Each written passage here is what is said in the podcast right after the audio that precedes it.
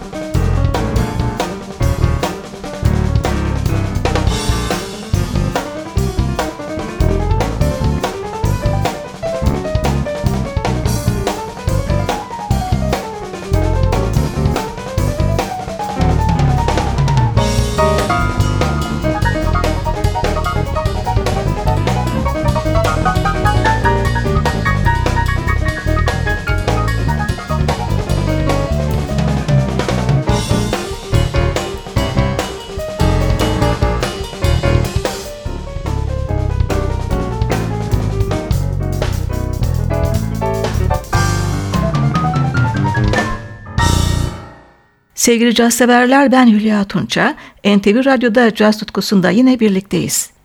Bu bölümde 80. yaşını yeni çıkardığı iki albümle kutlayan ünlü Fransız piyanist konuğumuz oluyor. Jacques Louisier. Sanatçı üçlüsüyle 1959 yılında kaydettiği ilk Bach planından günümüze kadar cazı, klasik, özellikle barok müzikle buluşturduğu birbirinden önemli albümlerle bir kilometre taşı. Bu son iki albümü o zamandan günümüze en beğendi yorumlardan derlenmiş. İlk albüm yalnızca Bach yorumlarına ayrılmış. Önce ilkinden bir Bach düzenlemesini dinliyoruz. Basta Vincent Charbonnier, davulda Ande Arpino ile yorumluyor. Mi majör partita.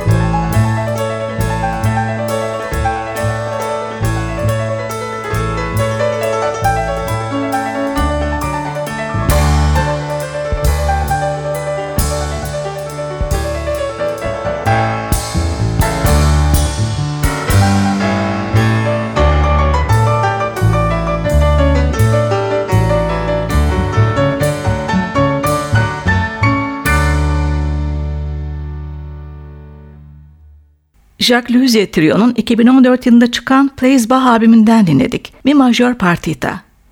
Louisier'in 80. yaşını kutladığı ve yine hayranlı olduğu klasik besteciler üzerine düzenlemelerinden derlenmiş ikinci albüm, Beyond Bach Other Composers I Adore adını taşıyor. Buradan seçtiğim ilk yorum, Erik Satie'nin piyano yapıtlarından bir numaralı jimnopedinin birinci çeşitlemesi. Bu kez basta Benoît Dunoyer de Seconsac, davulda André Arpino ile seslendiriyor.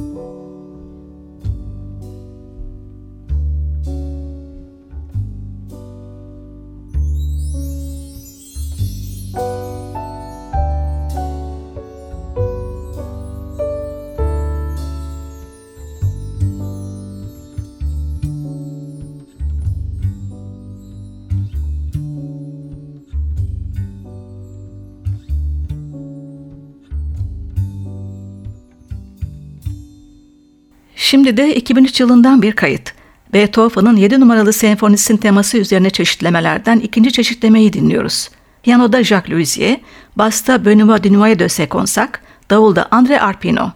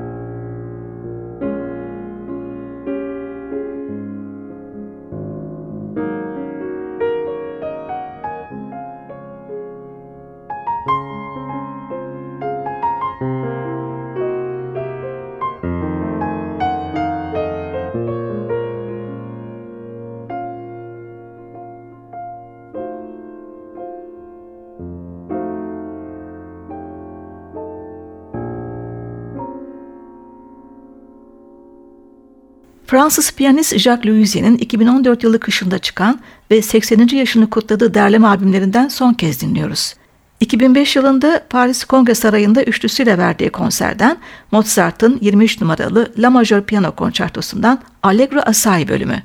Sanatçıya Basta Benoît Dunoyer de Seconzac, davulda Andre Arpino ve yerli çalgılar eşlik ediyor.